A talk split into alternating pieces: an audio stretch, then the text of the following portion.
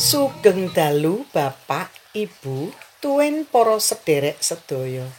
Sugeng pepanggihan malih ing adicara patunggilan pandonga wanci dalu punika kalian kula Heti Kusumaning Tias. Mugi-mugi ing wanci punika sami manggih kasarasan lan karaharjan. Sumangga kita nyengker wekdal sawetawis nyawiji ing manah. Kita gegilut sabdanipun Gusti sarta ndedonga. Kanthi jejer pracaya tanpa laku pejah.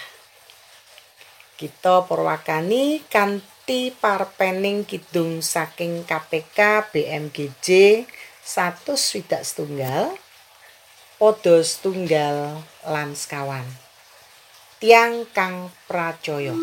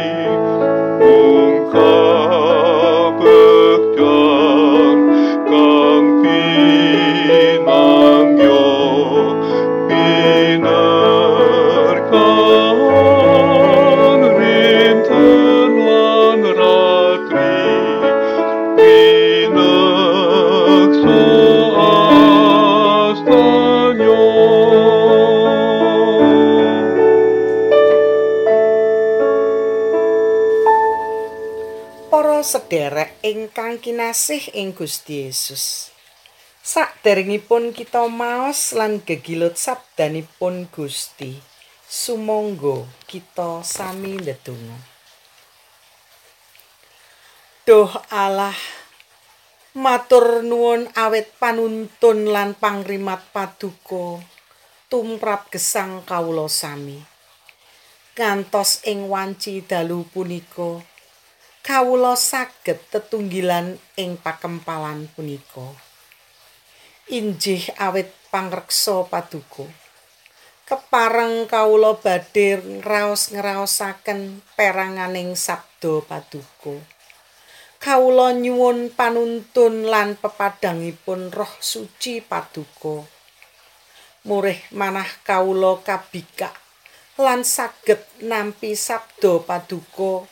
Ingkang adi punika temah saged dados tetalesing gesang kawula salajengipun. Amin. Sumangga kita maos kitab suci ingkang kapundhut saking Yakobus bab kalih ayat sekawan welas dumugi pitulas. He, para sadulurku, paedahe apa manawa ana wong ngaku duweni pracaya mongko ora ana panggawene saupama ana sadulur lanang utawa wadon kang kacingkrangan ing bab sandang lan pangane ing saben dinane. Nuli ana panunggalanmu kang nuturi mangkene. Wis mangkato, dak sangoni slamet. Nganggo sandangan kang anget sarta mangano sing wareg. Nanging ora menehi kang dadi kabutuhane badane. Iku paedahe apa? mangkono uga tumrap pracaya. Manawa pracaya iku ora dikanteni panggawe, iku sejatine mati. Mekaten sabdanipun Gusti. Para sederek ingkang kinasih, punapa ingkang dipun serat dening Yakobus punika asring kita pirengaken nanging ugi asring kita langgar. Malah meh saben wekdal gegayutan kalian pangandel panci gampil kaucapaken. Kelair saking tutuk kita. Nanging lebeting manah kita dereng temtu nelakaken punapa ingkang kaucapaken. Ketingalipun namung perkawis sepele. Nanging aurat anggenipun mujudaken. asring geseh punapa ingkang kaucap kalian ingkang katindakaken. Punapa ingkang katindakaken boten cunduk kalian ingkang dipun ucapaken. Pramila ing satengahing pagesangan kita wiwit rumiyin mila kathah sanepan punapa dene seserepan kangge ngemotaken.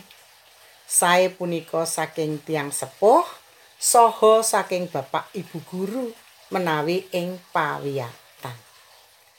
Mekaten ugi sanepan-sanepan ing satengahing masyarakat. Antawisipun jarkoni iso ngajar ora iso nglakoni. Tong kosong ungelipun nyaring lan sanes-sanesipun. Ilustrasi utawi gegambaran ingkang kaagem dening Yakobus ing ayat gangsal welas dumugi 16 gambaraken bilih pangucap utawi pitembungan ingkang boten sinartanan tumindak ingkang nyoto utawi konkret laras kalian pangucapipun sami kemawon namung omong kosong ingkang boten maedai tumrap tiang sanes. Sanajan ageng anggenipun gatosaken lumantar pangucap kemawon, ingkang ketingalipun mitulungi. Nanging sayektesipun boten badhe mbiyantu utawi mitulungi tiang ingkang nembe kerapan lan kaasrepan. Amargi ingkang kabetahaken inggih punika tetedan lan rasukan. Para sederek, saking pundi tiang sanes saged mangertos bilih kita punika tiang ingkang pitados dumateng Gusti Yesus Kristus. Punapa ningali saking KTP? Punapa kita nedahaken serat baptis utawi sidi? Punapa saking serat saking gereja bilih kita sampun kecatet ing buku ageng keanggotaan gereja. Sedaya identitas punika boten wonten ginanipun. Menawi tumindak pandamel kita boten nelakaken siye Sang Kristus. Wasipun iman kapitadosan ingkang sayektos kedah linandesan pangertosan ingkang leres bab sinten ingkang dipun pitadosi sarta ngugemi lan ngestokaken dawuhipun dados menawi kita namung ngaku-aku dados pandherekipun Gusti Yesus. Ngakeni dados tiang Kristen nanging boten ngugemi lan ngestokaken dawuhipun Gusti Yesus. Sami kemawon gadai iman ingkang boten saged milujengaken. Punika boten ateges pangandel dumateng Gusti Yesus ingkang boten milujengaken nanging pangandel utawi iman ingkang namung wonten awang-awang ing pangangen-angen kemawon ingkang boten kawujud ing tumindak lan pandamel. Ingkang namung arupi slogan kotong ingkang namung ketingal sekeca kapireng nanging boten minuwuhaken ewah-ewahan punapa-punapa salebeting dirinipun. Sami kemawon kados dene pangakenipun setan ingkang ugi pitados bilih Allah sae. Para sederek ingkang kinasih, kasinggihan ing swasana pandemi ingkang sampun sawetawis wekdal punika, malah ing wekdal-wekdal wingking punika virus corona sansaya gegirisi. Wonten ingkang sampun mutasi dados virus ingkang langkung ganas. mawarni-warni perkawis tumuwuh sae ingkang gegayutan kalian kesehatan, perekonomian, sosial, politik, saha ingkang langkung wigatos lan mrehatosaken inggih punika ndadosaken raos mangu-mangu. Pangandel kita kaosekaken Pramila sumangga seratipun Rasul Yakobus punika kita agem landesan lan pambrek anggen kita nggadahi iman. Kapitadosan sampun ngantos namung ing lambe ingkang lamis kemawon. Ananging sumangga kita telakaken dados kasunyatan ing pandamel lan saben tumindak ing sanjawi kita kathah tiyang ingkang betahaken pitulungan. Uluran sih katresnan kathah ingkang kerapan. Betahaken sandangan lan sanes-sanesipun. Sanadyan namung alit nanging wonten wujudipun. Sampun ngantos namung picanten ingkang ngatos-atos. Ngagemo masker asring wijik nanging sumangga kita nindakaken piyambak lan maringaken masker tumrap ingkang boten ngagem masker nyawisaken papan wijian paring sekul bungkus tumrap ingkang kerapan lan taksih kathah malih ingkang saged kita tindakaken. Kanthi mekaten kita estu-estu nelakaken siye Sang Kristus. Temah kita saged atur paseksi bilih kita punika pandherekipun Sang Kristus. Sanes amargi nedakaken KTP serat sidi lan sapat nunggalanipun satemah iman kapitadosan pangandel kita dumateng Gusti Yesus boten sia-sia. Nanging saestu milu jengaken tumrap diri kita. Pangandel ingkang kanthi laku badhe ngedalaken woh. Inggih punika kawilujengan. Amin. Sumangga kita ndedonga donga rama kawula kanthi karepekaken miturut versinipun Gurga sumangga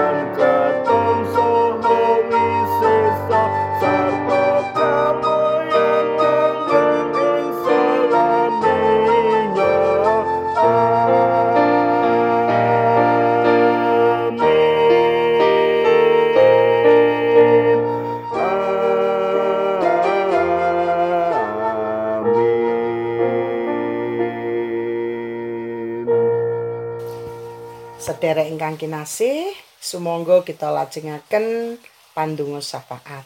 Sumangga kawula dherekaken. Duh Allah, nyuwun kunging pangaksama paduka. Menawi kawula taksih asring gadhahi pangandel utawi iman ingkang namung kandhek ing pangangen-angen lan pangucap kemawon. Dereng saged ngecakaken dados kasunyatan ing pandamel lan tumindak kawula. Pindho pang ing uwit ingkang boten ngedalake woh. Ing wusananipun badhe katebang. Mila punika kawula nyuwun kawelasan paduka mugi karsa nyagetaken kawula nggadahi pangandel ingkang kasayektos. Nderek ngetut wingking ngugemi lan ngestokaken dawuh paduka. Babar katresnan paduka tumrap sesami minangka wujuding pangandel kawula dumateng paduka. Monggo Gusti, mugi paduka karsa ngagem kawula dados lantaran paduka. Duh Allah, kepareng kawula ngaturaken pandonga tumrap sederek-sederek kawula ingkang nandang sakit amargi virus corona punika. Ingkang taksih kathah lan mindak kathah punika. Mugi paduka paring usaha lumantar perawatan ing griya sakit saha isolasi mandiri. Paring ngono kesabaran, kesehatan lan kasantosan tumrap para dokter, juru rawat lan tim medis sanesipun ingkang sampun mawulan-wulan abenajeng kalian pasien Covid punika. temah salajengipun tansah semangat anggenipun nindakaken jejibahan ingkang awrat punika. Kawula ugi ndedonga tumrap lare-lare ingkang sampun nglajengaken malih pawiyatanipun ingkang semester ganep taun punika. Sanadyan dereng saged kaleksanan kanthi tatap muka lan taksih katindakaken lumantar daring. Mugi-mugi para siswa, mahasiswa, guru, dosen, saha tiang sepuhipun sami budidaya murid saged kalampahan kanthi maksimal. Nyuwun berkah paduka duh Gusti. Mekaten ugi kawula inggih nyuwun berkah paduka kangge bangsa lan nagari kawula. anggenipun budidaya murid enggal mentas saking resesi. Amargi pandemi punika mugi enggal kasembadan. Temah perekonomian, kesehatan, sosial, politik lan pembangunan saged lumampah malih kanthi prayogi. Wonten sih palimirmo paduka kawula nyenyuwun.